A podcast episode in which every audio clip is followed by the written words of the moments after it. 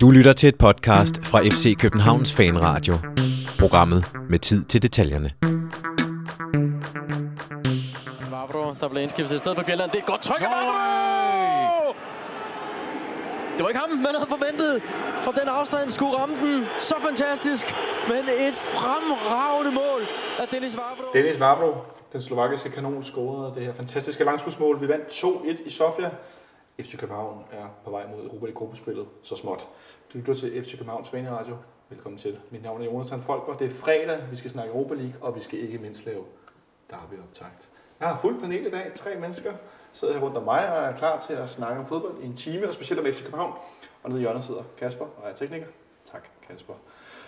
Til venstre for mig sidder Henrik Monsen. Velkommen til, Henrik. Tak. Du er kommet ind på øh, et afløsermandat, fordi Benjamin Dane, der skulle have været, han øh, desværre skulle ud og anvende nogle koncerter og drikke nogle øl og sådan noget. Øh, Så, øh, Så ved jeg, hvem der er mest heldig. Ja, det, det er lytterne. Det er lytterne. Ja, præcis. tak. Ej, Og fordi vi har en debutant, der skal præsentere om et øjeblik, så tænker jeg, at vi skal lave en lille runde, hvor vi har to hurtige øh, hvad hedder det, øh, ting, du skal svare på. Jeg ved godt svaret på det ene, men øh, det andet er jeg lidt mere tvivl om. Og du skal nævne mig din all-time favorit FCK-spiller og din nuværende favorit FCK-spiller. Og din all-time, det er PC. ja, der er ikke nogen. Der er Det, ikke det kan jeg så godt svare på. Ja. Ham, men hvem er din nuværende? Min nuværende? Øh, jeg har jo en forkærlighed for Seca. Ja. Altså, det, han, er, han er så atletisk øh, og øh, fantastisk bygget på måde, altså den, fodbold, den måde, han er fodboldspiller på, mm. synes jeg er øh, energisk og, og meget atletisk spiller. Den, øh, Det- det bliver sikkert, er ja. Og til højre for mig sidder Nikolaj Stenmøller. Ja, hej. Hej, jeg sidder lige og kigger på, hvem vi har i truppen lige nu. Au, au, au. Au, det hører lidt bedre, end hvis det var sidste år, jeg spurgte dig. Du må- ja, du må ja, vi overbevares jo. Men, men der havde også måske været nemmere der. du må godt Det er sige. Per Vind, hvis du vil. Nej, det, nu, nu, men, Så men, men, men, men man holder jo stadigvæk af dem, selvom de ikke præsterer. Præcis. Men lad os starte bagfra. Din all-time FC København favoritspil. Men det er sjovt, fordi for, for 10 år siden havde jeg jo helt automatisk sagt Christian Lønstrup, og det kan jo godt være, at jeg stadigvæk gør det, selvom det kun var et par år siden, jeg har stoppet der. Ja. Øhm, det tror jeg, han kommer til at være for, for evig tid. For det første KB-dreng, og så for det andet... Øh, der var der så meget fodbold i ham. Der var så meget elegance, og så...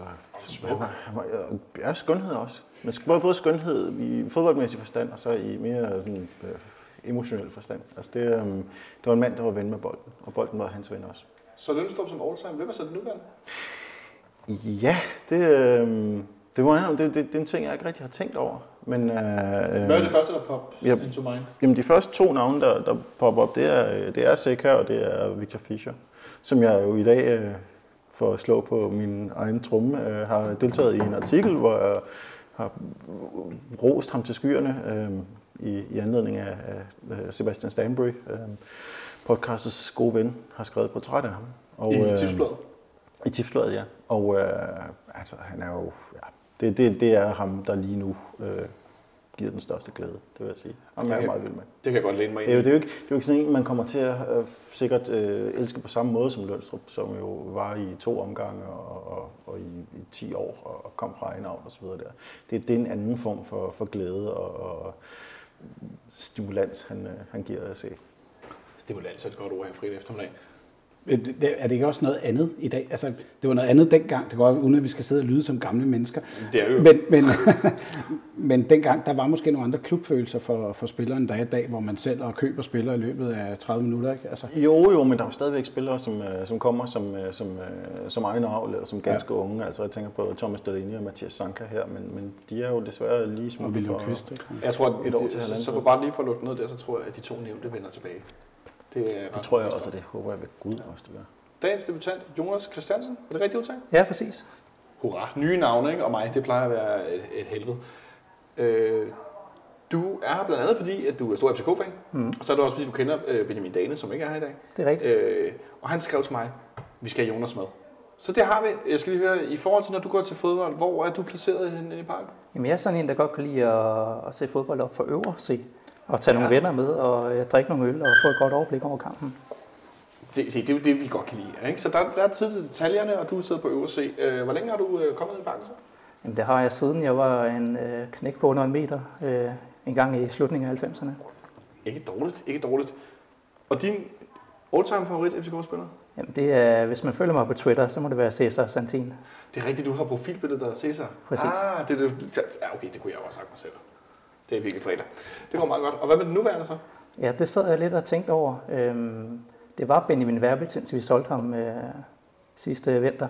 Men ellers så tror jeg, det er, det er blevet Darmen Døje nu i hans nye forfatning. Det er også svært ikke at holde en Darmen Døje, også efter i går, jeg sige. Det skal vi selvfølgelig tale om, når vi skal tale om det første opgør mod CSKA Sofia i går. Øh, en noget øh, aparte kamp, synes jeg nok. Og så øh, skal vi selvfølgelig kigge frem mod Darbet i slutningen af, af udsendelsen. Men en kamp, hvor vi øh, overraskende i forhold til, at vi var herinde, Henrik i mandags, og taler om startopstilling og så videre. Vi regnede med en del rotation, blandt andet regnede vi med, at William Kvist ville starte inden det defensive på midten, måske sammen med Gregus og noget i den dur. Men vi startede det, jeg vil at kalde fuld start eller Der blev ikke sparet nogen steder. Det var øh, ud over stepperne med falsk centralt og med sikker bagved. Og så ellers bare derude. Det eneste, det var Nicolai Thompson i stedet for Robert Skov, men det er vist efterhånden sådan en lidt en uh, smagsag efter, alt efter modstander og så videre. Øh, var du overrasket? Øh, det eneste, der sådan set overraskede mig, det var, at Kodro startede ind. Øh, fordi jeg havde, vi, som vi også snakkede om mandags, lidt det der med, at vi havde en idé om, at måske Fischer skulle spille en hængende angriber kontra at stille med to deciderede angriber. Øh, så det var da sådan det, eneste, øh, der overraskede mig i den, i den startelver. Men det viste sig også at være ikke alt for heldigt, øh, Nicolaj, i forhold til, at vi var ikke så robuste, selvom det er et ord, jeg lidt hader at bruge, men vi, vi så lidt svage ud i forhold til, når vi skulle forsvare det her. Sofia-hold spillede på nogle voldsomt hurtige kontra. Det var vi ikke rigtig gearet til. Nej, det, det, det knep lidt i, i starten med at få... Øh, alle kigger ud på de, de, øh, Der står nogle damer og taler ud kravlende damer foran. udenfor. Undskyld, hvis I kan høre. Jamen, de, de, de, de drøfter også, øh, om det virkelig var en god idé at starte med Kenan Kodring i stedet for. Øh, Fischer, jeg, jeg tror ikke, at det i virkeligheden gjorde den helt stor forskel. Jeg tror, der var andre faktorer på spil. Jeg tror, altså Fischer har jo passet den der midtbane side meget disciplineret, og så godt han nu kan efter, øh, efter de der evner. Han, han er lige de der 20 procent mere offensiv end, end de andre alternativer, der er. Men jeg synes nu ikke, at det var afstemningen som så, der var noget galt med. Det var mere det, at øh, der var mange individuelle fejl. Der blev, øh, der blev smidt nogle bolde væk på, på helt åndssvagt tidspunkt, og så, så øh, var det et meget farligt hold på, på kontra. Det synes jeg, man kunne se lige fra starten, at øh, vi prøvede at spille det der øh, spil, som også øh, blev forsøgt i Odense, med at have en del bold og være ret offensivt indstillet, prøve at gå efter, efter målet. Men det brød hurtigt sammen på nogle ret kritiske punkter, og så, øh, så, øh, så stak vi ned, så stak det ned i den modsatte ende. Nu, nu går det fuldstændig løs her. Jeg har tænkt at larme, jeg beklager meget.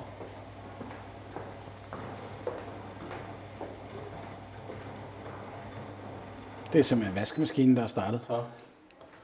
Det var da utroligt, som vi ikke kan være i fred her. Ja. ja det beklager vi meget. Jeg skal for lige indskyde den forbindelse, at vi har besluttet os for, øh, med de her lydproblemer, vi har med vores nye øh, hvad hedder det, udstyr, og nu håber vi det er bedre i dag, at den anden tekniker, Jonathan, han har brugt en masse tid på at, at lære udstyr at kende og indstille det anderledes. At øh, udsendelsen på mandag har vi simpelthen valgt at gøre gratis for dem af jer derude, der donerer, fordi at, øh, der har været lidt knas frem og tilbage, så, øh, så der bliver ikke trukket nogen øh, donationer øh, for mandagens podcast her, Darmet tak. Så håber vi, det er dobbelt joyful, at, øh, at vi forhåbentlig har fået nogle point, og at øh, I så derfor heller ikke skal betale. Det er super hyggeligt her i fanklubbens kontor, men, øh, men det er i foyeren, så man har god udsigt til den kirke, som man kan høre en gang. Ja, den skulle til om 40 minutter, så ringer den. Det kan I godt forberede på. Nå, tilbage til den her kampindledning, hvor øh, Jonas, vi havde bolden og så videre, men det var ikke rigtig sikkert. Det var lidt, øh, altså, det var helt tydeligt, at når vi mistede bolden, så gik det stærkt øh, ned mod vores mål. Og der er ret tidligt allerede en situation, hvor at Peter Ankersen og Victor Fischer, de får rodet lidt rundt. Øh, og der, allerede der begyndte dem, jeg så kampen med at snakke lidt om, ah, det virkede godt nok noget usikkert. Øh, var du overrasket over, at vi kom, øh, kom bagud efter sådan relativt kort tid først, eller?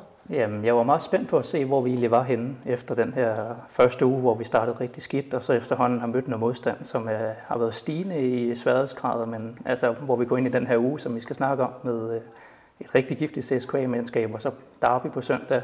Så jeg vidste ikke rigtig helt, hvor vi var henne, og jeg tror, vi blev nødt til at dele kampen op i, i nogle faser. Altså de første 20-25 minutter, hvor de får scoret, og et par 10 minutter efter det, og så får vi lidt mere fat i kampen, og så kampen efter det her røde kort. Men altså, det, vi stiller op i et hold, der har enormt meget international erfaring, men på en eller anden måde, så havde de ikke rigtig... Øh, Man må ikke se det jo. de, de har ikke spillet sammen på det. De har ikke prøvet den her øh, kamp endnu, og der var nogen, der var lidt usikre på, jamen, øh, skal vi spille lige så flabet, som vi plejer at gøre, eller skal vi være lidt mere stille og rolige? Nogle så spiller vi horisontalt og vertikalt, og ja, det var ikke helt afstemt, synes jeg. Jeg var overrasket over, at øh, Andreas Bjelland så meget usikker ud i flere situationer. Han virkede lidt tøvende, når man skulle gå ind i hovedstødsdueller, og man skulle takle på bolden, og man skulle falde osv. Øh, kom, altså det, det, det, er jo altså ikke det, jeg forbinder med ham. Han virker sådan meget kontant og sikker i sine beslutninger. Øh, men det er vel også noget, der planter sig rundt i de andre forsvarsspillere, at ham, der skal være lederen, han ligesom virker lidt på, på glatis. Ja, der var rigtig mange bolde, som kom til at hoppe lidt rundt, og øh, midtbanen foran var heller ikke helt på plads, så han, han skulle ud af nogle lidt flere soloaktioner, og der kan han måske godt øh, blive lidt testet mod sådan nogle rigtig hurtige øh, bulgarske og eksotiske spillere. Ja, især i de der kontrastød kontra er det vel, hvor at de jo er bare sindssygt hurtige, og Bjelland er jo ikke, er ikke frem nogen sprinter, det vil være synd at sige. Øh, så altså, han, han får nogle gange lukket ned alligevel, hvor han kommer tilbage og så videre, men det, det, det var lidt op ad bakke i starten. Øh, tror du, de blev overrasket over, hvor hurtigt de var egentlig? Jamen, det bliver overrasket, men jeg synes bare, øh, Bjelland så meget tung ud. Altså, og bliver han skiftet ud kort før øh, pauseteen, som man siger. Jeg skal i, i den ja. øh, forbindelse indskyde, at han har trænet i dag ude på anlægget, okay. så der skulle ikke være øh, nogen problemer på den kant. Så øh, om det så har hæmmet ham i hans spil sådan generelt, men, men jo, der var stor forvirring. Øh, især ham med nummer 19, som jeg ikke vil kaste mod i, hvad han, hvad han hedder. Han fløj jo fra både højre og venstre side. Jeg tror, de havde nogle problemer med at positionere sig ned i en bagerste række, hvem der havde hvem, og hvor de skulle løbe hen af, når, øh, når de kom i de her kontrastød. Ja, først og fremmest, når det virkelig går stærkt. Ikke? Der jo. virkede det som om, at øh, afstemningen var helt i skoven. Også fordi, øh, så vidt jeg husker, var parret i midten ikke nyt. Altså var det ikke en ny kombination med Bjelland og, og Parpazon? Ja. Øhm, der, der, øhm, på, på nogle tidspunkter i hvert fald ser det ud som om, at øh, folk løber de helt gale steder hen. Og det er også det, ser det ud som om, der, der åbner for målet. At der er en kæmpe misforståelse i, i vores højre side, som gør, at der lige pludselig er plads derovre. Jeg tror heller ikke rigtigt, hvis man kigger på målet, at øh, Jordan har helt styr på, hvor han egentlig har sit mål henne. For det ser ud som om, det er ret let at få skubbet den der bold under ham. Det har jeg snakket lidt med forskellige folk om i dag, øh, Jonas. Synes du, det var, øh, altså, skulle han have reddet bolden, Jonas? Der, der er mange ting, der går galt i den fase. Altså, der er de to, der flyver på samme bold. Jeg tror, det er det Bøjlesen og Sega, der flyver ja, det er.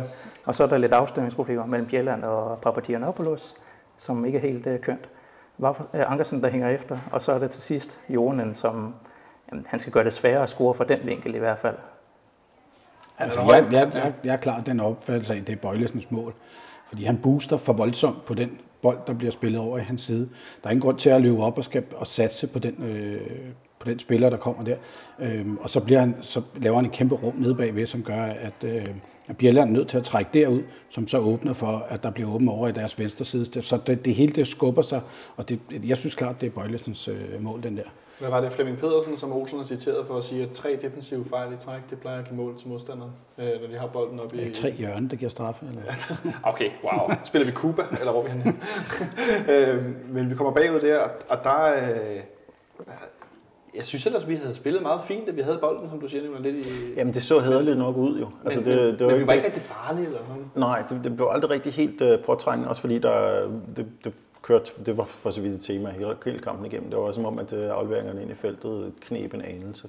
Undtagen lige uh, Sekas fantastiske yderside aflevering, som uh, måske det er ham, der er vores uh, kommende vinge, som, uh, som bare skal trække ud i venstre side og prøve at knalde den ind over med, med med højre yderside. Det, det, det kan være, det er vejen frem, fordi øh, der var ikke rigtig så mange andre af vores indlæg, der var for alvor lå præcist. Sådan en karisma-aflevering. Han havde for øvrigt uh, Despodov, nummer 19, for, uh, for CSKA Moskva, til, eller Sofia selvfølgelig. Ja. Uh, men jeg synes, det var sjovest, næsten ham, der blev udvist uh, senere ja. først, eller hans navn, som næsten ikke kunne stå på ryggen, som hedder Shobaditski, tror jeg nok. Det er jeg ikke engang sikker på, at jeg rigtig udtalt, men hold da op, der var mange bogstaver. Øh, men vi kommer bedre ind i kampen og får skabt nogle angreb og får sat lidt op. Øh, har flere gange situationer, hvor at vores backs kommer til indlæg, og jeg har lovet flere lyttere, at vi skal tale om Peter Ankersen.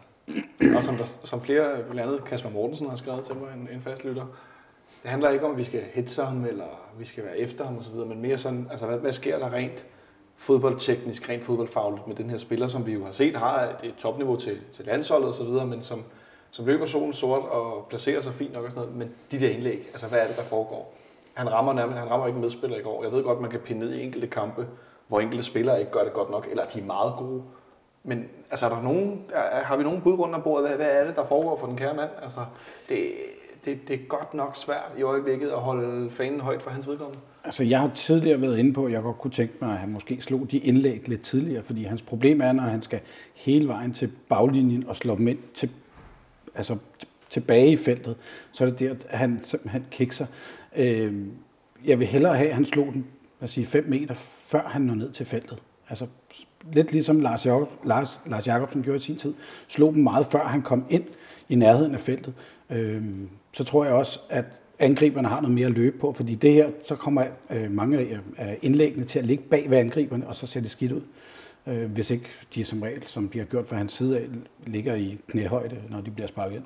Eller de rigtige mave på modstanderen. Er der andre bud herovre på langtiden til højre? Er der nogen, der vil byde ind? Bare, altså alle lobbyfilosofiske fodboldteoretiske udkast er fine, fordi at, øh, jeg ved snart ikke, hvad jeg skal sige. Jamen, hvis man skal være lommepsykolog, så er det måske bare en ond cirkel, at det er et spørgsmål om at få, få åbnet for det. Jeg, jeg tror i virkeligheden, at min, min, mit forslag ville være, hvis jeg som total uvidende skulle komme ind og prøve at træne ham.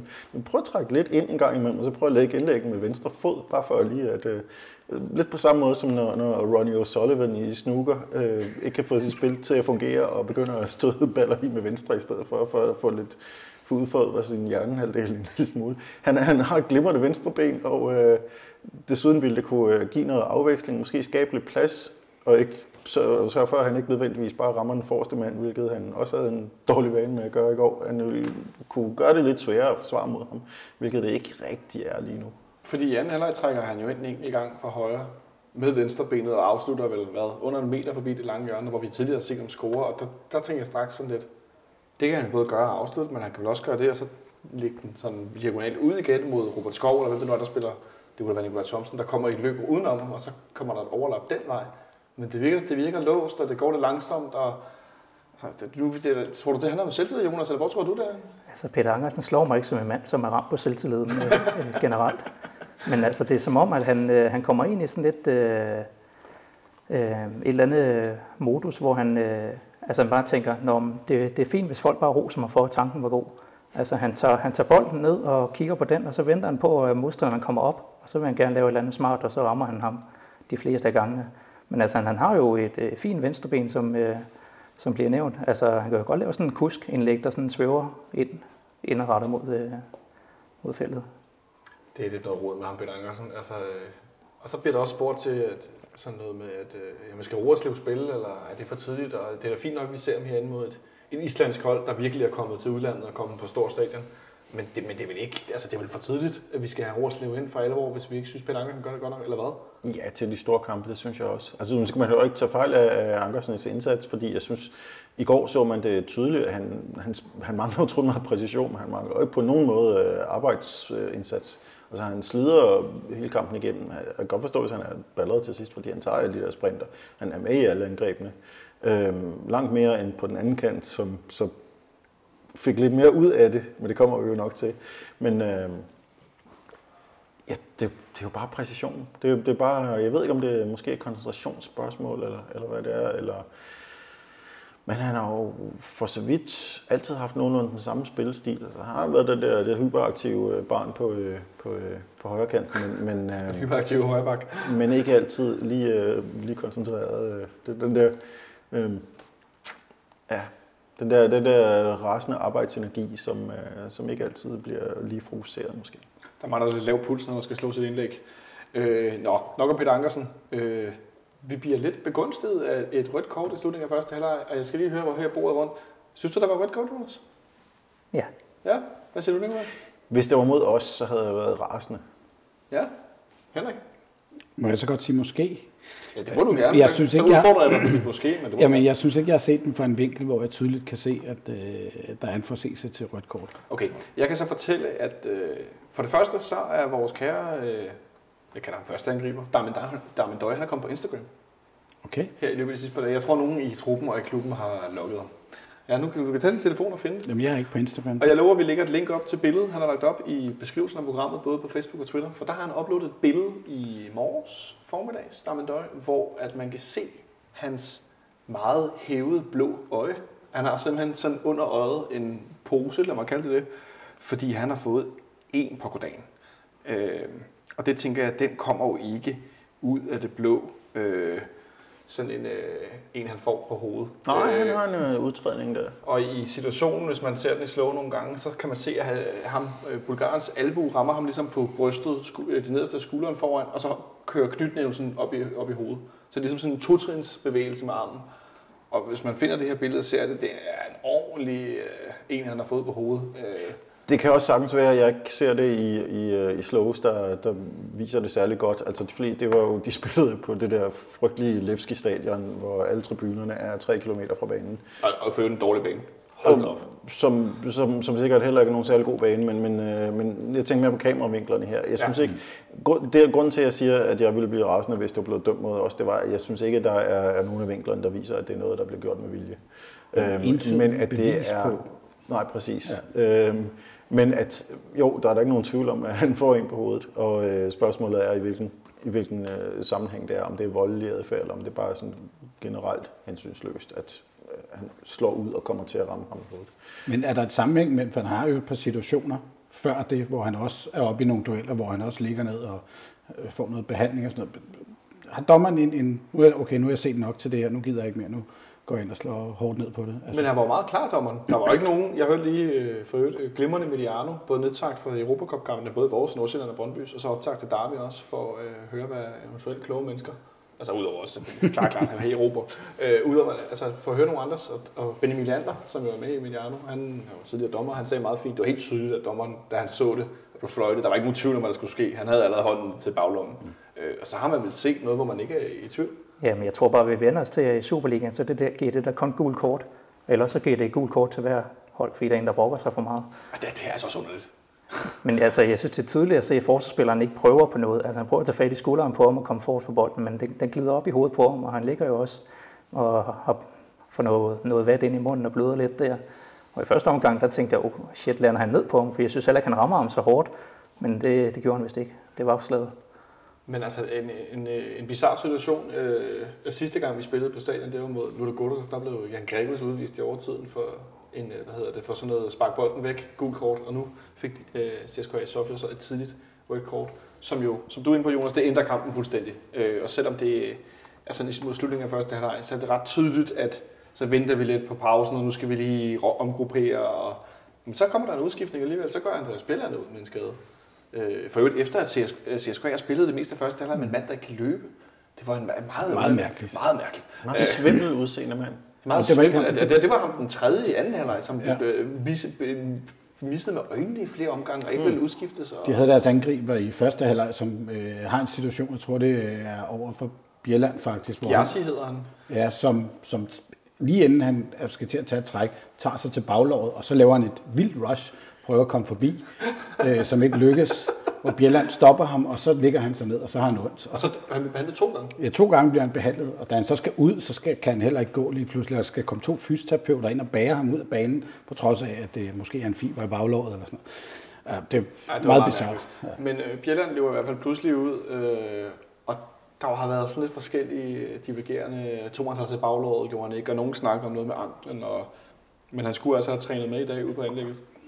Hvor nervøs blev du i forhold til, til søndag, da du så han det ud, Jonas? Og jeg blev, jeg blev ret nervøs. Altså, jeg tænkte, altså stillingen var jo stadig på et tidspunkt, hvor man tænkte, okay, han vil ikke gå ud, hvis det her var bare... Øh, og det, det kan også sagtens være, at det er sådan en, hvor han må gå, gå ud efter 16 minutter på, på søndag alligevel, øh, hvis der sidder et eller andet, men vi må håbe. Det lignede i hvert fald bare, at, øh, eller som det lyder, så skulle der været anken, og han har som sagt trænet i dag, så jeg tænker, at det ikke er med det. Så det lægger vi pænt ned. Men anden halvleg, hvor vi øh, selvfølgelig har bolden rigtig meget, og egentlig ikke kommer så meget frem, frem til chancer. Vi spiller, vi spiller, og de står meget godt. CSKA, selvom man selvfølgelig må formode, at de bliver lidt trætte der. Men så har vi skiftet Dennis Faflo ind, i stedet for Andreas Billand.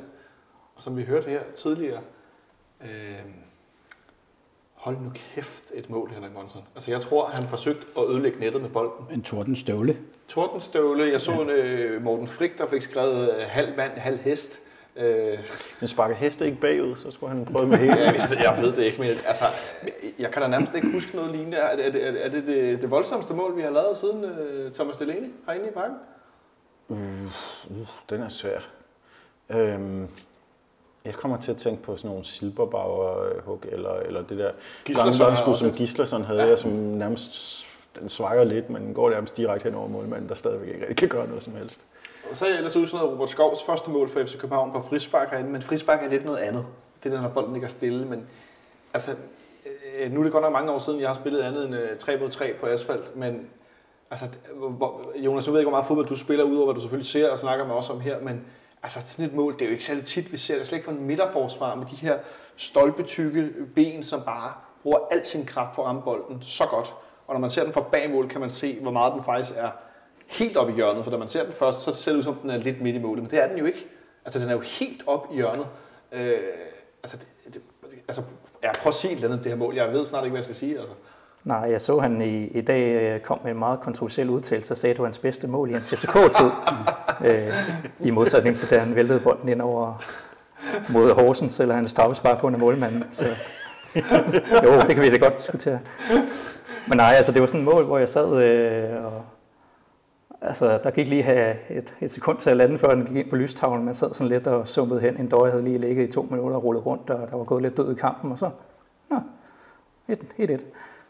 Øh, øh, måske i virkeligheden det, vi manglede lidt. Robert Skov på banen, skal det siges, at det var ikke fordi, at vi, vi øh, hvad skal man sige, var oversvømmet i spillere, der var gode til at sparke udefra. Øh, ja, Døje har da vist det spark på overlæggeren inden, ikke? I første halvleg, ja. ja. Men ellers det er jo ikke fordi, det er jo spillere, som tager chancen udefra øh, ofte. Nej, det blev meget boldtrilleri rundt i forsøget på. Altså, vi har jo før snakket, hvis nu vi tog kampen over i Odense i, øh, i søndags, var det jo et spørgsmål om at have tålmodighed, tålmodighed, tålmodighed, den skulle nok komme på et eller andet tidspunkt. Her der forsøgte man lidt det samme. Man kom bare ikke frem til chancerne, og indlæggene var der ikke. Øh, det løb ud i sandet, og så fik vi bare, altså kunne vi starte forfra igen. Så det var en, en følelse af, at der, der skulle ske et eller andet Og den måde, som, som øh, Vavro kommer frem til, det er jo ikke i løb eller noget, det er sådan stille og roligt, han triller bolden frem, og så tænker han, Nå, så hakker jeg til den, og næsten forstående er det jo stort set, at han bare knalder til den. Ikke? Øh, og det var sådan noget, der skulle til for at åbne kampen, fordi så var de jo også nødt til at måske at gøre noget mere, end bare stå dernede og vente på, at, øh, at vi kom med bolden. Det gjorde vi så fortsat, og, og i resten af kampen, det var ikke fordi, det var en vild begivenhed i kampen. Der skete jo ikke så skide meget, udover at øh, Nicolai Bøjlesen pludselig forsøgte at drible. Det var lige så jeg faldt ned af sofaen. Ja, det var, og det, det, det var fuld, øh, fuld aflønning af. Der, der, var jo, der sad jeg, må jeg indrømme, jeg tænkte, at okay, det, det er altså godt, den her dommer er lidt af en funktionær, fordi der, det er nok de færreste, der har givet det straffespark. Tror du det? Ja, det tror jeg. Det ser ikke ud som om, at han på nogen måde bliver holdt. Det ser ud som om, at der kommer en arm ind, og der er lidt kontakt, hvorefter Bøjelsen, han, må man sige det, smider sig. Og, Nå, det øh, tænker jeg slet ikke. Jeg tror, man skal være glad for, at der ikke var var.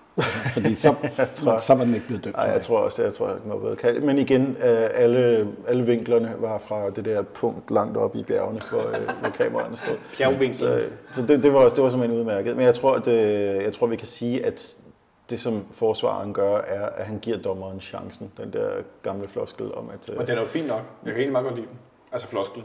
Ja, ja altså det, det, det, det er ubetinget om. Jeg synes nu stadigvæk, at det er, det er skuespil fra, fra Bolsens side. Men, men det, er jo, det, er jo det, der, det er jo det, der gør, at, øh, at man slæber den slags kampe hjem i Europa. Hvor, hvor, hvor andre, så som uh, Farum, de uh, lader sig gå på af at blive nævet af Partizan Beograd-spillere og, og ender med at tabe. Men vi er jo tilbage igen i den der situation, hvor man kan sige, var det sket mod os, så var man blevet tosset over, at sådan en straffespark var blevet dømt. Ikke? Men det var ikke en dommer i hvert fald, som var ude på at læfle for hjemmepublikummet. Overhovedet. Jeg synes, han var generelt fantastisk god dommer. til sidst. Han blev diskuteret ud med, ikke diskuteret, ja, eskorteret ja. med øh, skjolde og jeg ved ikke hvad. Øh, og jeg så også, der var nogen, der havde fundet citater fra bulgarske fans, der havde skrevet øh, you, you, you freaking homosexual, you should not go out without police in Bulgaria. Det lyder som noget tekst fra øh, OB's øh, spillertunnel for udholdet. Ja, det er lige før. øh, men øh, meget overraskende, så blev Kenan Kodro så til at sparke. Og der tænker jeg så, nu går det galt, den brænder han. Og så øh, spiller vi 1-1 i Bulgarien, og det er noget skidt. Men det lykkedes ham nærmest på Vavros vis øh, at få den puttet under målmanden. Øh, og jeg, jeg fik sådan sagt, at øh, når den brændte han, og så blev der mål. Øh, Tror du, det var for, at Kundro skulle få lidt selvtillid og få lov at sparke den ind? Eller ja, tror, de har det kan godt være. Jeg fik lidt samme følelse, som der var for tonen mod uh, Kups. Altså den der, er det ham, der skal sparke? Ja. Altså jeg er, jeg kan rigtig godt lide, at vi har en eller anden uh, erfaren no-nonsense-spiller, eller en døje til at sparke sådan nogen, uh, fordi det kan godt være, at man kan stå ude på træningsbanen og, og hakke nogen ind, og det kan godt være, at du kan sætte en, en Augustinsson, der har en flødefod og en fantastisk sparkteknik til at spille, men jeg bliver sgu aldrig helt tryg ved, altså dem, der er gode til at sparke, det er altså dem, der har lidt is i blodet. Men det kan sagtens være, at det var for at give ham lidt selvtid, så triller den ind under øh, målmanden alligevel heldigvis. Vi snakker om en angriber, som lavede tre mål. Altså, han, han burde ikke mangle selvtillid. Altså, han lavede et hat øh, Han er ikke en spiller, der mangler selvtillid. Det tror jeg simpelthen ikke på. Øh, jeg tænker, Fischer han brændte sidste gang, vi havde strafspark, så der skal en ny til. Det var det forrige gang. Øh, forrige gang, undskyld, ja. Øh, ja, så det, Ja, han var næsten ikke scoret var vores sidst. Han, ja, ja. Øh, han kunne lige så godt have sparket. Ja. Ja. Men, men to mål var jo det samme kamp, så bliver det også for meget. Nej, så bliver det for meget. Altså, ja, ja. det kan vi ikke. Det bliver for meget. Øh, og så efterfølgende, så sker der jo stort set ikke noget i resten af kampen. Øh, en døje til behandling ikke engang efter, han pander ind i en øh, bulgarspiller. De har en, som vi snakkede om, hvis øjnene ser helt mærkeligt ud, og han får behandling også, og de har brugt to udskiftninger første halvleg. Øh, men det er jo ikke fordi, vi går voldsomt efter det her tredje mål. Øh, Tror du, vi sparer kræfterne i sådan kampen helt bevidst? Ja, det virkede absolut sådan. Det virkede som om, de tænkte, 2-0 kan de ikke, kan de ikke lave, selvom altså, selvfølgelig, der er stadigvæk et stort spring, vil jeg sige, fra at de skal komme og vinde 2-0 til at de skal komme og vinde 3-0 i parken. Fra, fra øh, meget svært til helt umuligt. Men jeg, jeg er sikker på, at de havde fået at vide, at 2-1, det var aldeles, aldeles glimrende og nok. Ja, og især med den start på kampen, må man sige. Men jeg synes bare, at vi skal lukke den der, fordi at, øh, det var en meget underlig kamp. Altså, det, kunne vi, det kunne vi i princippet snakke længere om, og vi skal selvfølgelig vi skal også snakke om derby. Så, øh... Vi havde også 10 hjørnespark i den her kamp, som vi absolut intet fik ud af i noget som helst tilfælde. Altså, det var, jeg, jeg sjældent har set, at vi har været så ringe, både på korte og på lange hjørnespark. Altså, det, der var ingenting, der kom ud af det der. Nej, men det, ja, det var. Jeg vil bare gerne hylde det lange banner, hvor der med, med, med gotiske bogstaver stod Troublemakers. Stod det det? Jeg så, jeg, jeg så kun, der Steve stod fight. Det var, det var, det var åbenbart det var en af de større af deres uh, fanfraktioner. Troublemakers. Det fyldte omkring 20, 20 meter ned langs siden.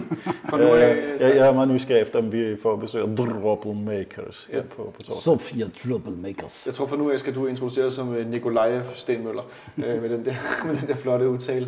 En man of the match, Jonas, fordi du er debutant, får du lov at lægge for FC Københavns man of the match i går? Jeg har næsten lyst til at sige uh, Rasmus Falk igen. Han er virkelig, virkelig god uh, lige for tiden. Ja, er der noget bestemt, du synes er årsag til, at han uh, var med til Men uh, han uh, løfter bare vores spil på en, en helt anden måde. Altså, jeg har været stor fortaler for Gregos, men altså, der er bare kæmpe niveauforskel, da Falk går ud og Gregos kommer ind. Altså, han, uh, han, er, han er faldet helt i det der uh, broderende spil, som, vi, uh, som er, er den måde, vi spiller på lige nu, og det passer han perfekt til. Det var en meget god forklaring. Nævner Jeg bakker fuldstændig op om Falk. Øh, jeg er virkelig imponeret over, at han har så mange kræfter til at kunne, øh, kunne spille alle de, alle de kampe, og ja. de fleste af dem for fuld tid. Jeg har medlidenhed med en døj, han skal have den, fordi jeg synes faktisk, at han kæmper øh, bragt op foran og er med til at skabe noget, noget uro, som kan være med til, at sådan en som Falk får lidt mere plads, eller Fischer får lidt mere fald, eller plads. Så, så jo, jeg, jeg tager en døj. Så går jeg med den nemme valg som de ville have... I ved godt, I ved godt hvem der var blevet mad til match i parken, ikke? Jo, det var... Hvor? Ja, selvfølgelig. Altså, the, the Beast from the East. Dennis the Man Waddle, han får min stemme for det der fantastiske mål, og så også bare for øh, at have løftet sig ud af den her øh, slaviske sump, ham og Michael Lyfner spillede i en hel sæson, og simpelthen bare blive bedre og bedre og bedre, og han tager ansvar, og han ser stærk ud, og han ser sikker ud, og han kommer ind i går, og du er ikke et sekund i tvivl om, at det er okay, at han er inde i stedet for Bjelland. Det bliver ikke usikkert den årsag. Jeg ved godt, at vi er mand i årsagen, stadigvæk. Han er ikke en, en, øh, en, en, hvad skal man sige, trussel for os. Altså, han er, du, man er sikker, når han er inde, og så, når han så samtidig scorer sådan et mål, så kan jeg kun øh, nikke anerkende den retning. Så øh, vi har stemmer lidt øh, omkring, men øh, Rasmus Falk for anden kamp i træk. Det slår mig bare som grænseoverskridende at tage en, der er kommet ind i pausen som øh, man ja, Altså Victor Fischer blev årets spiller efter at komme til januar. Det touché. Bum, så fik du den. Nå, og hvordan længe skal vi snakke om søndagens derby. Nå, vi skal se frem mod derby på, på søndag, men inden vi skal tale om det, der skal ske på banen, så satte jeg en opgave, I skulle komme med jeres 5, 8, 10 øh, største Brøndby-sandheder. Altså de her, øh, hvad skal man sige, selvopfundne sandheder i Brøndbys fanmiljø, som man siger nok gange til hinanden, til at de bliver virkelighed, og det bliver noget, der findes. Og der er jo i alle mulige retninger. Øh, Henrik, du fortalte en, jeg ikke havde hørt før. Prøv lige at nævne den. Altså, hvis du tænker på den med, at øh, der altid er lys øl inde i fad, eller i fadøllen, eller det er altid er lys fadøl, der er inde i parken. Altså, det har jeg aldrig hørt før. Det er jo helt, det er jo, det er jo galt. Har I nogensinde hørt det? Ja. Du har hørt det før også? Det har jeg simpelthen aldrig hørt. Det er jo klart, men vi spiller meget europæisk, og der har jo øllet jo mange år været lyst. Det var os. Ja, ja, men, men jeg vil så sige, hvis jeg øh, har drukket lys fadøl igennem alle de år, jeg er kommet i parken, så er jeg meget let på virkelig af, af lys fadøl. jeg skal sige, så er du godt nok blevet fuld nogle gange meget hurtigt. Ja. Øh, Jonas, du havde også nogle stykker, øh, der var blandt andet noget om det der med, hvor at det er, at øh, man, er, man er rigtig fan og sådan noget. På, øh, Jo, jamen, jamen altså, jeg så uh, Christian Hertz, vores gode ven af fanradioen. Han det må man sige. Han, øh, han, lag- ham lagde jeg mærke til i en gang i foråret, brugte flere dage på Twitter i sådan en diskussion omkring, at jamen, det, Brøndby er væk det eneste sted, hvor man kan opnå så dybe følelser for en fodboldklub. Altså, Det der med at tage patent på, øh, på følelser for fodbold, det er i hvert fald noget, vi har måttet høre for igennem årene. Øh, Det der med at være en ægte klub og være ægte fans og så videre, øh, det er vel også noget, Nikolaj, du som en af de, jeg må godt sige, de gamle, gamle fans herinde har hørt en, en del på i løbet af årene. Ja, det, det, det må man sige. Men det, det er jo, og, og jeg har også, jeg har også rantet om det før her i radioen, fordi det, har jo, det er jo pudsigt at få det der at vide med, at, at ens klub er en, en aktiekonstruktion øh, fra, fra, fra den, og og en koncern fra, fra øh, fans af den klub, som var de første til at gå på, by, på børsen, og de første til at købe en bank og, og prøve at få en koncern til at køre. Er den så krakket, inden der var gået to år, det er så, det er så en anden sag, men så var det, de lavede den her opdeling i, i A- og B-aktier, øh, eller gjorde det til det centrale i det, hvor man jo så kan se i dag, at det er ophævet for længst, og det er en enkelt rigmand med, med øh, skattely i England, som ejer det hele. Så igen, hvad er forskellen? Altså jeg så i går en, øh, der skrev på Twitter, at, øh, at vi jo kun lever på øh, kassekreditten fra Nordea og øh, de to rigmænds øh, noget, altså Skærbæk og Korsbæk, var jeg lige ved at sige. Det er noget helt andet, som, som putter penge i. Altså, det Korsbæk ene- og Skærgård. Ja, ja, præcis. Korsbæk i Skærgården, det var faktisk et meget godt udspil. Men det var den ene, det er den eneste årsag til, at vi eksisterer. Det er, at, at Nordea holder hånden over os. Ikke? Øh, Det er jo så en, en usandhed af, af rang kvæg, at øh, hvis man gider sætte sig ned og kigge bare en lille smule ind i, i, øh, i vores regnskaber og sådan noget, så vil man finde ud af, at den, trods af, at vi har en stor gæld, har vi også mange aktiver. Så, så det er jo ikke fordi, at vi render rundt øh, og, og overvejer, om vi er ved at gå konkurs hver anden dag, fordi vi har en stor gæld. Men så længe man er aktiver for de gældsposter, man har, så er man jo, for, så er man jo dækket ind på den måde. Og vi har jo genereret overskud i, i mange år. Nu er man jo så har været ramt af nogle, af nogle forskellige faciliteter i, i omkring fitness.dk og sådan noget, og det er også det, vi kommer til i næste regnskab at være ramt af. Men det er jo ikke sådan, fordi at vi bliver nødt til at sælge fitness.dk for 100 millioner kontra det er 250 millioner hver, og sådan noget. Så, så, tab, så går vi jo ikke konkurs på baggrund af det, og bliver nødt til at lave nedskrivninger. men det kan også være svært at forstå regnskab. Det, ja. det må Boldfans det godt at være udenom. Ja. Ja, der, var- jeg vil jo bare sige, at der var jo ikke nogen tvivl om, der var, det var tæt på en konkurs i 2011. Og Det var hvis, det da. hvis, øh, hvis øh, Nordea havde øh, bedt om at få sine penge tilbage med det samme og begæret en øh, konkurs, så, så skulle de jo sikkert godt have, have fået det. Men, men de lader jo så virksomheden køre videre, fordi det virker som om, det er en sund virksomhed, der kan tjene en del penge, og det ville være en meget bedre idé at beholde den, end, beholde den i drift, end, end at lukke den ned. Så er det, man sammenligner sundhed med en anden klub, som kører med underskud år efter år, og øh, som så bærer sig op. Og der begynder det altså noget mere at ligne en velgørenhed, end det, som Nordea Jo, jo, men der husker, glemmer du jo lige en ting, de har jo ikke nogen gæld, jo. Nej, og Nej, det er rigtigt. Jeg glemmer selvfølgelig også, at Jan Bæk har været fan fra han var nærmest blev født. Oscar, må du sige. Ja. Øh, Nikolaj, jeg synes, vi skal gennemgå nogle af de klassiske, bare helt kort, de her remser. Jeg, har, jeg jeg, har har jo- nogle, jeg har nogle favoritter. Jeg har jo mere samlet øh, gamle løgnehistorier, øh, som, som virkelig konkrete løgnehistorier. Og nogle af dem så, er så bizarre, øh, at, at det nærmest trods af enhver beskrivelse. Jeg har, jeg har, Kan du der- give mig et par stykker? Kan du jeg godt har da kort? skrevet lidt om ned. Ja, jeg kan bare læse For op, ellers så kan vi fordi jeg har tænke, at vi kan lavet, gengive noget af det på vores Facebook-side, hvis det jeg har lavet lektier. Øh, jeg, har, lavet øh, lektier, jeg har simpelthen øh, skrevet, din gamle- skrevet nogle ned her. Øh, en, en af- de helt klassiske var, og vi kan jo godt huske, i 2001, der øh, bliver København mestre, og Zuma scorer et saksespark. Hvis nogen var i tvivl, så kan de gå ned i, og se busten nede i, nede i Fanstore, eller Fanshoppen, eller Supershop, eller hvad det hedder, og se den her buste, de har fået lavet med til minde om Zuma Saxe. På det tidspunkt var vi begyndt at have sådan noget, der hed internet, hvor man kunne øh, skrive sine meninger ned, og øh, det, som mange Brøndby-fans skrev, var, at øh, han havde været i tv lige bagefter. Øhm, givet et Altså interview- Zuma? Zuma, givet et interview, mens vi andre stadigvæk øh, var ved at drikke os fulde og bade i springvand og så videre. Øh, der havde Zuma indrømmet, at det var absolut ment som en aflevering, det han lavede. Øhm, kunne man så konstatere, indtil wow. man fik et eksemplar af det der 8 timers bånd med, med, hvad der var blevet sendt. Hvor han måske i virkeligheden sagde, at det var det flotteste mål, han kunne huske, at jeg scoret. Og han var meget, meget lykkelig. Det, øhm, det var det, vi andre kunne se. Men ja. øh, nej, det var ment som en aflevering. En anden øh, meget konkret en var, at øh, græsset herinde i parken, hvor vi sidder, er plastikgræs. Og det var både farligt for spillerne, og det var ulovligt. Det var sådan en, øh, en teori, der dukkede op i midten af nullerne. Øhm, men jeg har skrevet ned her, at man sætter både spillernes førlighed og Danmarks deltagelse i internationale turneringer på spil. Det var en påstand, man tit hørte fra debattører på det Brøndby site, der hed Blok 4. En af dem var Sten Laursen, der senere som chef i FC Nordsjælland, han hoppede sådan lidt klub fra, fra Men, har han ikke også haft noget med det der håndbold? Ja, og han var også med Kasi Jesper håndbold. Ah, og så har, han, så har han sendt, så, solgt Rinsten fra Kasi Jesper også. Øhm, han var også i Brøndby på et tidspunkt. At, øh, da, han flyttede sig ind i parken med sin klub, da de skulle spille Champions League få år efter. Øhm, han stod også for en myte om, at stadion var en stor brandfælde. Senere skrev han på Twitter om, hvor glad han var for sit nye kontor i A-tribunen. Jeg er gået fra, at han havde sin egen brandslukker med den dag øhm, vi har en, som øh, stadigvæk er aktuel, øh, fordi under D-tribunens tag, der hænger stadigvæk nogle sorte tæpper det er tæpper, der er monteret for at mindske rumklangen i den ekodal, som parken udgør, når det er en koncertsal med taget over. Men når taget er inde, så er de samlet over D-tribunen, hvorfra de åbenbart på magisk vis skulle kunne suge lyden vertikalt opad, så ingen kan høre udholdets fans. Det er teorien, at de er sat op for at dæmpe Brøndby og deres dominerende lydbillede. De er også medlem af Flat Earthers. Så videre, så videre, så videre. Altså, der er altså, flere. Vi har jo tidligere i de gamle studier oppe i Deltabyen, der havde vi jo sølvpapirshatte liggende. Vi ja. foldede en gang, og jeg savner dem lige nu, for jeg, vi kunne næsten sidde med en på øh, hver, så der ikke kommer øh, stråler ind her. Ikke? Jeg har specielt vild med den med Deltabyen og det sorte tæpper. Det synes jeg er helt, helt for ruin for hvad der deroppe. 30 meter, 40 meter, 50 meter? Bare mere. Ja.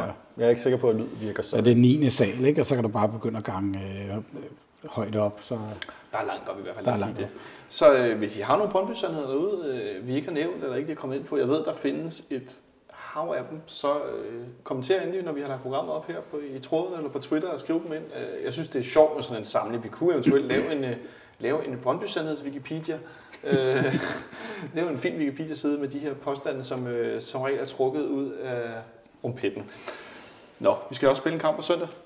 Nu så vi det, jeg vil kalde fuld start, var i går. Øh, vi skifter godt nok lidt ud, og der blev som vi var inde på, der blev ikke brugt mange kræfter til sidst i kampen i går. Jeg synes egentlig, vi skal øh, prøve øh, at starte eller sætte med en startopstilling, og så kan vi igennem den snakke os lidt igennem, hvad jeres forventninger til kampen. Øh, jeg ser nogen mene, at der har været en kamp mellem Jesse Jodelen og Stefan Andersen. Det mener jeg jo ikke, der har... Altså, jeg tænker, at Jodelen er første valg. Ja, lige præcis. Altså, Stefan han tabte de der par bolde mod, øh, mod Horsens, og siden da så han jo ikke øh, blevet sat i nogen øh, luftdueller siden da.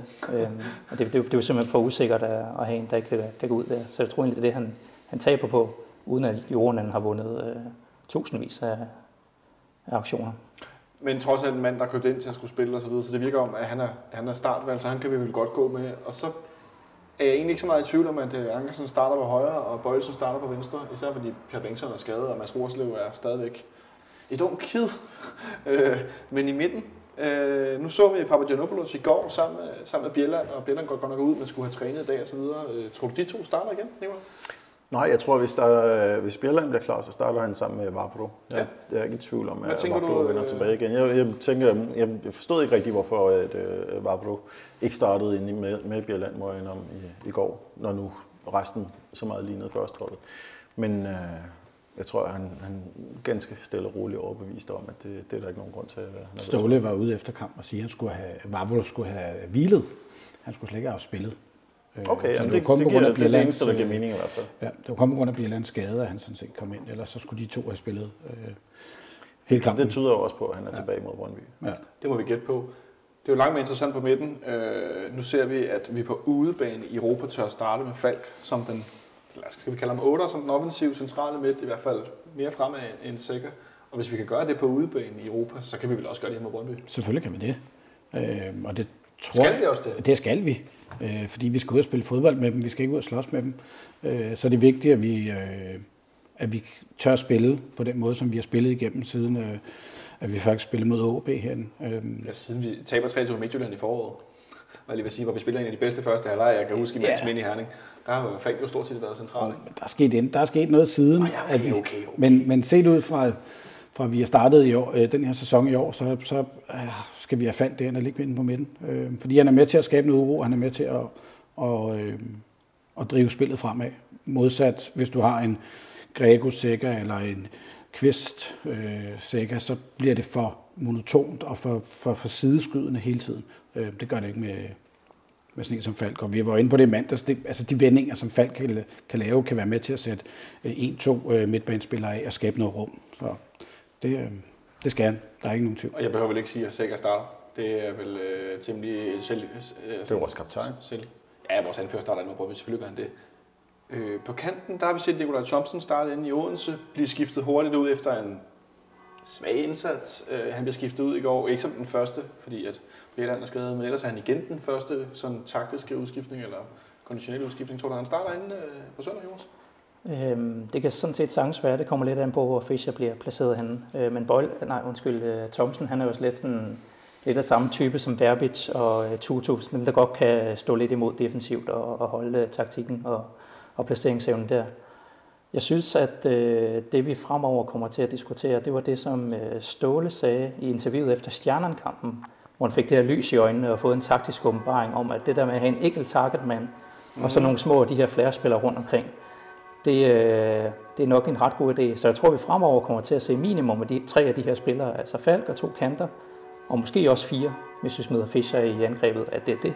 Og så vi øh, sjældnere kommer til at se øh, to out-and-out midtbanespillere og to angriber. Og hvis nu er jeg i tvivl, så er klokken blevet 18 her, hvis vi laver podcastoptagelse, fordi at øh, kirke, St. Jakobs Kirke over, den gælder for fuld smadret. Der er ikke noget så mærkeligt som en tradition om at ringe solen ned klokken 6 om sommeren. Når den er langt fra grønnet. Der er flot sol på de grønne træer herude bag, øh, over til, over til Brumleby. Så du går lidt med, at- at jeg kan næsten høre, at du tror, at Fischer spiller angriber. Er det rigtigt, Jonas? Ja, det kunne jeg godt forestille mig. Ja, Nicolaj, er du med på den? Tror du også det? Ja, det tror jeg også. Jeg tror ikke nødvendigvis, at Kenneth Kodro rigtig er overbevist om, at det, det er hans plads at få tilbage igen. Og så synes jeg, det har været så overbevisende i de andre kampe med Fischer i front, at jeg tror, han fortsætter- foretrækker ham sammen med Endøj. For at have den der, den der kombination af fire folk, der kan kombinere og forvirre Brøndbys defensiv, som ikke på alle punkter er lige effektiv. Og øh, skabe noget, skabe noget, noget, noget angrebsspil i den, af den slags, som vi bare har manglet i de her kampe, som, øh, som, som kun er kommet som, som rent stykgods, men nu gerne skulle komme sådan lidt mere, lidt mere konsekvent. Det, det, øh, det vil jeg i hvert fald glæde mig til at håbe på, at det der sker. Og med de bud, så giver højre kanten vel sig selv efterhånden. Ja, Robert Skov kommer tilbage. Ja, præcis. Og der er vel også noget rotation i det, at nu spiller Kodro i går, så kan Fischer spille angriber og løbe. Lidt nu mindre defensivt. har Henrik måske endnu en op i ærmet om, hvad, hvad Ståle sagde om øh, Robert Skov, om han også blev hvilet her. Nu vil jeg ikke overraskes Nej, nej, igen af et interview. Tages med bukser ned endnu en gang efter et kampsinterview. Men det, Men jeg er, går ud fra, at det der skete. men det er han også fik lidt ro, inden, øh, inden han skulle starte igen. Mod Men det er vel også noget med, at vi så også, godt nok med et brændt straffespark, vi så Robert Skov i foråret ude i Brøndby i den her forfærdelige, forfærdelige to et nederlag, men er stadigvæk, han går meget uimponeret ind i de her store kampe, og specielt på hjemmebane, der synes jeg, han har en tendens til at løfte sig endnu mere, når vi spiller på udebane, at han virkelig finder sig godt tilpas, men vi har bolden så meget herinde, og vi virkelig sætter modstanderen under pres. Øh, hvad er det, du forventer til Robert Skov på, øh, på søndag? Jamen, jeg tror at han kan, kan bidrage på en positiv måde. Jeg siger, hans første halvår, øh, siden han kom til, der var han meget sådan en teoretisk trussel. Han har et godt vesterben, men det var lidt mere øh, et mål og nul assist. Men altså, nu der har han startet rigtig, rigtig flot og har lidt mere selvtillid. Så jeg tror sagtens, han kan lave nogle små web og så lægge den over et lange hjørne. Det, ej, det, der fik jeg lige sådan en, øh, som, som målet Carlo Holse lavede mod stjernerne, jeg fik lige sådan en Robert Skov, der scorer sådan ned mod Data-byen, og der bliver helt stille nede hos uh, The Minions bag målet. Det kunne være en, uh, en, fornøjelig, uh, en fornøjelig ting. Jeg så uh, Brøndby spille i går, Henrik. Jeg så Mod- øh, på noget af anden halvleg. Ja. Det var et meget, meget dårligt hold, de spillede mod. Ja, Skulle jeg hilse at sige. Jeg ved ikke, om der var nogen af de andre, der så det, men det var, det var sådan et hold, jeg havde håbet, vi havde trukket. Vil jeg sige, de var godt nok dårlige. Øh, Ej, meldingerne kom jo ind om, de førte, så øh, tænker jeg, at det kunne være fuldstændig lige meget at kigge på. Så, Jeg vil sige, hvis ikke vi skulle møde dem søndag, så havde jeg ikke set det. Det var udelukkende et spørgsmål, jeg godt lige ville se, hvor de stod henne. øh. Det var lidt heldigt at komme bagud Brøndby, vil jeg så sige. Det var det, ja. Du var tidligere på den end mig, kan jeg høre. Jamen, jeg havde den lige kørende på en, en skærm nede i, i højre krog af men de, de har en eller anden øh, svævebold, der kommer ind over, som er en, der hakker ned i jorden, så rører den over mål øh, oh. på tom mål efter et kvarters tid. Men øh, et, et, nu ved jeg ikke, hvor meget I har set Brøndby spille her i starten af sæsonen øh, rundt om bordet, men øh, ikke et Brøndby-hold, der er imponeret mig synderligt. Nej, jeg synes, de, øh, de har en, en masse problemer, som de, de kæmper med lige nu. De har sådan nogle helt konkrete lige nu. Altså, det har været 30 grader varmt, og de har skiftet meget ud i truppen. Altså, det lyder lidt som os sidste Altså, år. altså i modsætning til de 30 grader, vi har spillet i, eller? Ja, Okay, godt, jeg skulle bare lige høre. Det er nogle andre 30 grader. Ja, okay. Ja, præcis. Godt, tak. Og så synes jeg, at øh, jamen, jeg synes, de, øh, de har nogle ting, som øh, måske godt kan, kan, kan sidde lidt dybere. Altså, elefanten i rummet er det her mesterskab, Finn Bogerson. Vi vil have en jingle til ham. Jeg skulle sige, det, det, men det må man altid gerne nævne. Det skal for de sige, så alle hører det. Det er altid okay lige at nævne Kjartan Finn Bogerson. Det er aldrig skamfuldt. Det skal man bare... Ja, præcis. Altså, og, altså, jeg, jeg er ikke pro- professionel atlet, og har ikke mindsetet til, eller til at kunne gå igennem det. Men altså, hvis det var mig, så ville jeg virkelig tænke, efter den der sæson, jamen hvad fanden skal der så til? Johan Larsen, altså han ligner en, der har en, øh, en depression, og han er nærmest sådan årsymbolsk øh, klippet håret for at, at få en ny start. Men det er vel også svært med en træner, der går ud åbent og siger, at det kommer til at gå i lang tid. Så er det vel også svært at løfte sig som gruppe og flytte sig væk fra det. Altså jeg tænker, han kan da godt sige det internt, vi skal kæmpe med det her, vi skal arbejde os ud af det, men at, at gå ud og sige det til journalister, det, jo, det er da befriende ærligt, men det der virker da også øh, en smule uheldigt, eller hvad man skal sige. Altså, det virker da ikke som noget, der styrker. Altså, det, jeg, jeg, jeg kan ikke lade mig sådan at tænke, at det havde jeg da nok måske lige holdt til gruppen, måske. Nu, nu kan det være, at jeg vrøvler, men jeg hørte noget med, at de har et billede af det nede i omklædningsrummet eller et eller andet. Hold da op, det har altså, jeg, godt nok ikke hørt. jeg tror, at hvis, hvis han havde været ude og sige, at ah, men det er okay, vi, vi buller videre, så havde vi også sagt, at nu, nu må han lige prøve at komme tilbage til virkeligheden. Så jeg, jeg, jeg synes, det er okay, at han, øh, han, han melder ud. Og det er så det eneste, det eneste tilgivende, jeg kommer til at sige om den sag i dag. Fair nok, det er også okay. Men jeg synes, det er interessant, at, øh, at de har i hvert fald ikke slået mig som værende meget stærke her i starten af sæsonen. Brøndby de er blevet lidt bedre de sidste par kampe, klart.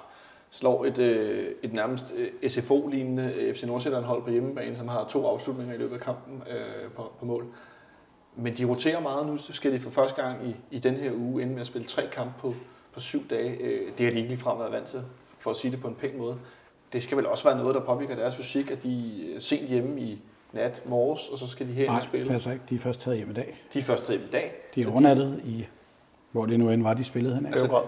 Ja, Beograd. Det skal da være til vores fordel også. Ja, altså de, øh, de, de har generelt bare set trætte ud i nogle af kampene. Altså de, øh, de er langt væk fra det her happy-go-lucky-presspil, som de øh, ellers har været kendt til, eller kendt for. Og så er det vist noget med, at de, øh, deres, øh, deres fysiske opstart har været endnu en gang hårdere i år. De har vist skruet en del op, og det er vist noget af det, man kan se på. Op? Ja, det er noget, det, det er noget, der kan se på, på rykker for tiden, øh, skulle jeg have hørt. Øh, ja, fordi han, han, han så også sløj ud i går mod Subotic. Øh, han virker øh, endnu tungere, end han går i forvejen, men hvor han sidste år var sindssygt dygtig til at placere sig og gå imellem bolde og så videre, uanset om man han spiller Brøndby og så videre, men han var jo stadig dygtig. Det var han jo, det var helt tydeligt, men, men han virker, som du siger, tung og placerer sig ikke så godt og så videre.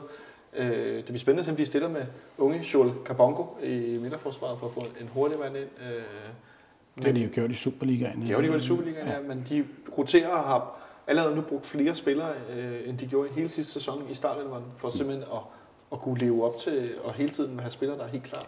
Det, det er vel også noget, der skal tage til vores fordel, at de virker ja, slidt.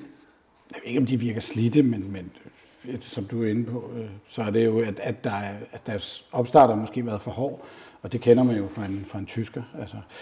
Men jeg tror, at vores nøgle til den her kamp på søndag, det bliver, øh, det bliver en døj, fordi han skal ind og slås med deres to midterforsvar, det så bliver Rykker eller Hermansson eller Kabongo. Det er dem, han skal ind og slås med. Han skal ind og vinde nogle dueller der. Jeg tror, de starter med Arnold Juli.